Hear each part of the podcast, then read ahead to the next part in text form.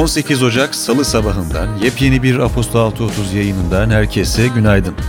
Ben Yakup, hepinize iyi bir gün diliyorum ve umuyorum sesim size neşenizin ve sağlığınızın yerinde olduğu bir zamanda ulaşıyordur. Benim e, sağlık durumum biraz çalkantılı. E, sesimden de fark etmişsinizdir. E, gribim. E, bunun için de ayrıca kusura bakmayın. Sesim tuhaf geliyorsa. Sebebi biraz bundandır. Dün e, meteoroloji İstanbul için kar uyarısı yaptı. Memleketin diğer bölgeleri için de benzer bir durum söz konusu. Hem yollardaki buzlanmaya hem de soğuk havaya karşı aman dikkat diyoruz. Şu anda dinlediğiniz bülten Little Caesars Pizza destekleriyle ulaşıyor. ABD'de 14 yıl üst üste ödenen paranın karşılığını en iyi veren marka seçilen Türkiye'nin ilk nefis kenar pizzasının mucidi Little Caesars Pizza, sektöre fark yaratan altı sırrını paylaşıyor. Ayrıntılar bültende. Girişte de belirttiğim gibi bugün 18 Ocak Salı ve gündeme gelişmelere dair önemli detaylar şimdi Aposta 6.30 farkıyla sizlerle. Keyifli dinlemeler. Piyasalar ve ekonomi Fitch, Türkiye'nin borçlanma maliyetinin yükseldiğini ve heterodoks politikaların makroekonomik riskleri artırdığını söyledi. Fitch, yüksek enflasyon ve kurdaki değer kaybına karşı uygulanan mali politikalar, kamu maliyesini kurdaki dalgalanmalara karşı daha hassas hale getiriyor ve makroekonomik oynaklığı artırıyor, dedi.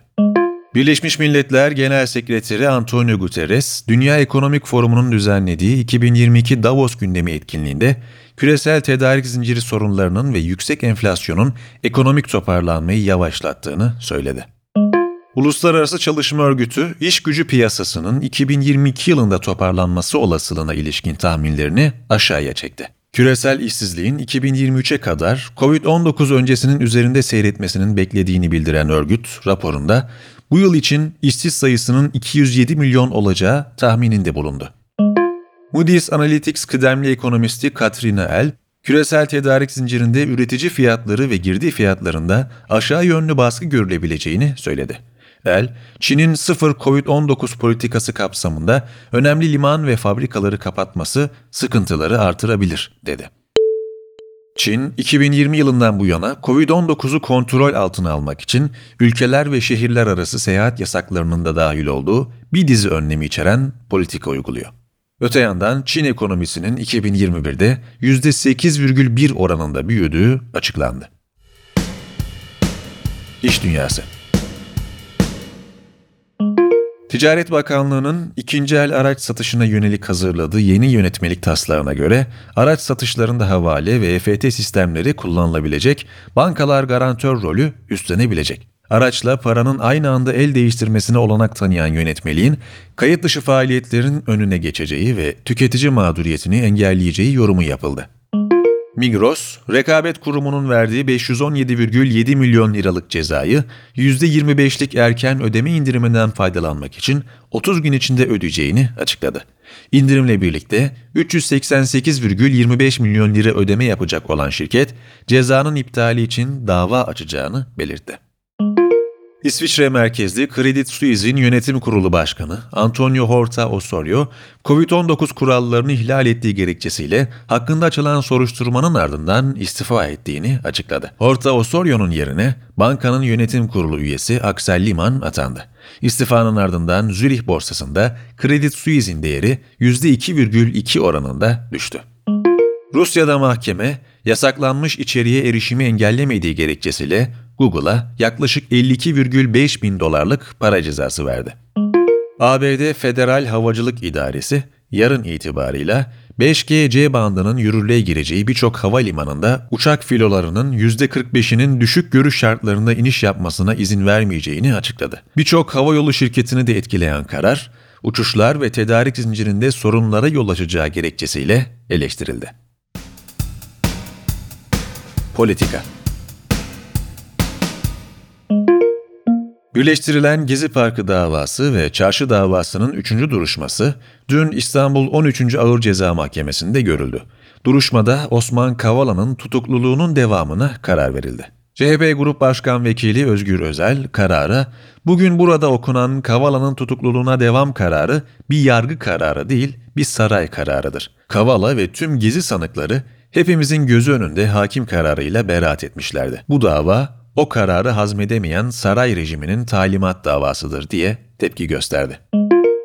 Halkbank, ABD'deki ceza davasına yönelik bankamız yabancı devlet yargı bağışıklığı yasası kapsamındaki itiraz dilekçesini ABD Yargıtay Mahkemesi'ne yasal süre içinde yapmayı planlamaktadır. Yargıtay Mahkemesi süreci bitinceye kadar bölge mahkemesindeki yasal süreç askıya alınacaktır açıklamasını yaptı. Birleşik Arap Emirlikleri'nin başkenti Abu Dhabi'de bir havalimanında yangın çıktı. Musaffah bölgesinde de 3 yakıt tankerinin patladığının bildirildiği olayda insansız hava araçlarının kullanıldığı iddia edildi. 3 kişi hayatını kaybederken 6 kişi yaralandı.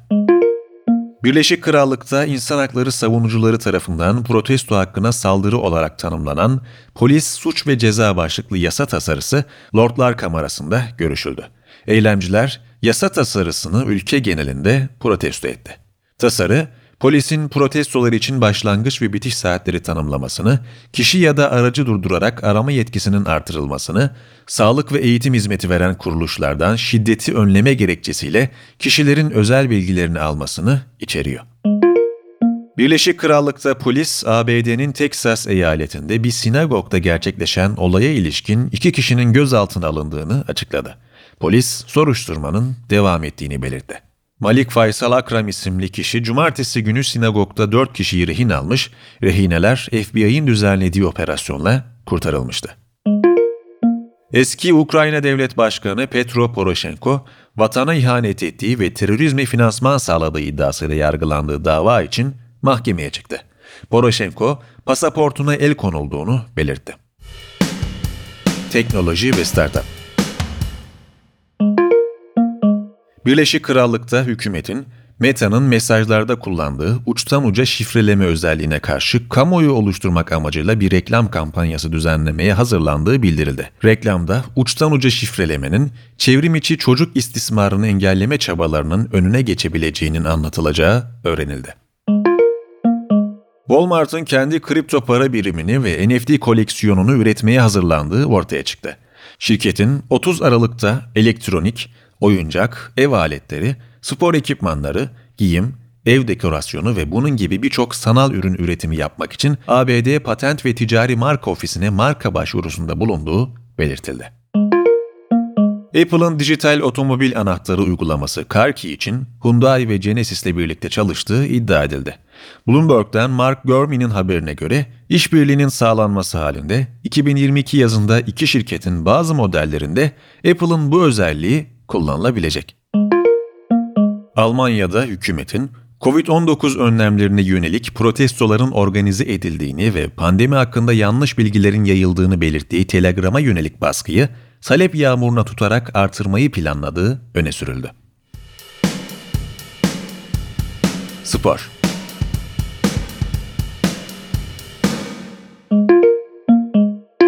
Avustralya açık tenis turnuvasına katılmak için Melbourne kentine giden ancak ülkeye giriş şartlarını karşılamaması nedeniyle sınır dışı edilen Novak Djokovic'in Avustralya'ya 3 yıl boyunca giremeyeceği bildirildi. Öte yandan Fransa basını, ülkesi Sırbistan'a dönen Djokovic'in 22 Mayıs'ta başlayacak olan yurt dışından gelen sporculara COVID-19 aşısının zorunlu tutulduğu Fransa açık tenis turnuvasına da katılamayabileceğini belirtti.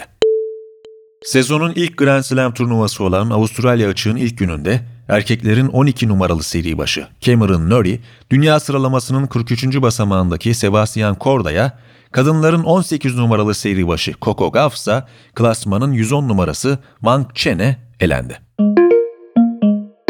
Turkish Airlines Euroleague'de pandemi sebebiyle ertelenen maçların yeni tarihleri belli oldu. Fenerbahçe ve Real Madrid maçı 8 Şubat 2022'de Baskonya Anadolu Efes maçı ise 8 Mart 2022'de oynanacak.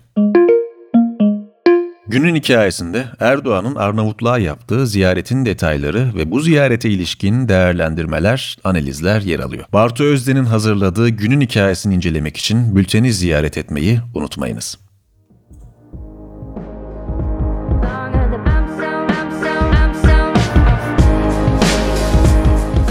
Bir yayının daha sonuna geldik. Ben Yakup. 18 Ocak Salı gününün Apostol 6.30 yayınını sundum. Detayları sizlerle paylaştım. Perşembe günü tekrar mikrofonda olacağım. O vakte kadar kendinize iyi bakın. Hoşçakalın.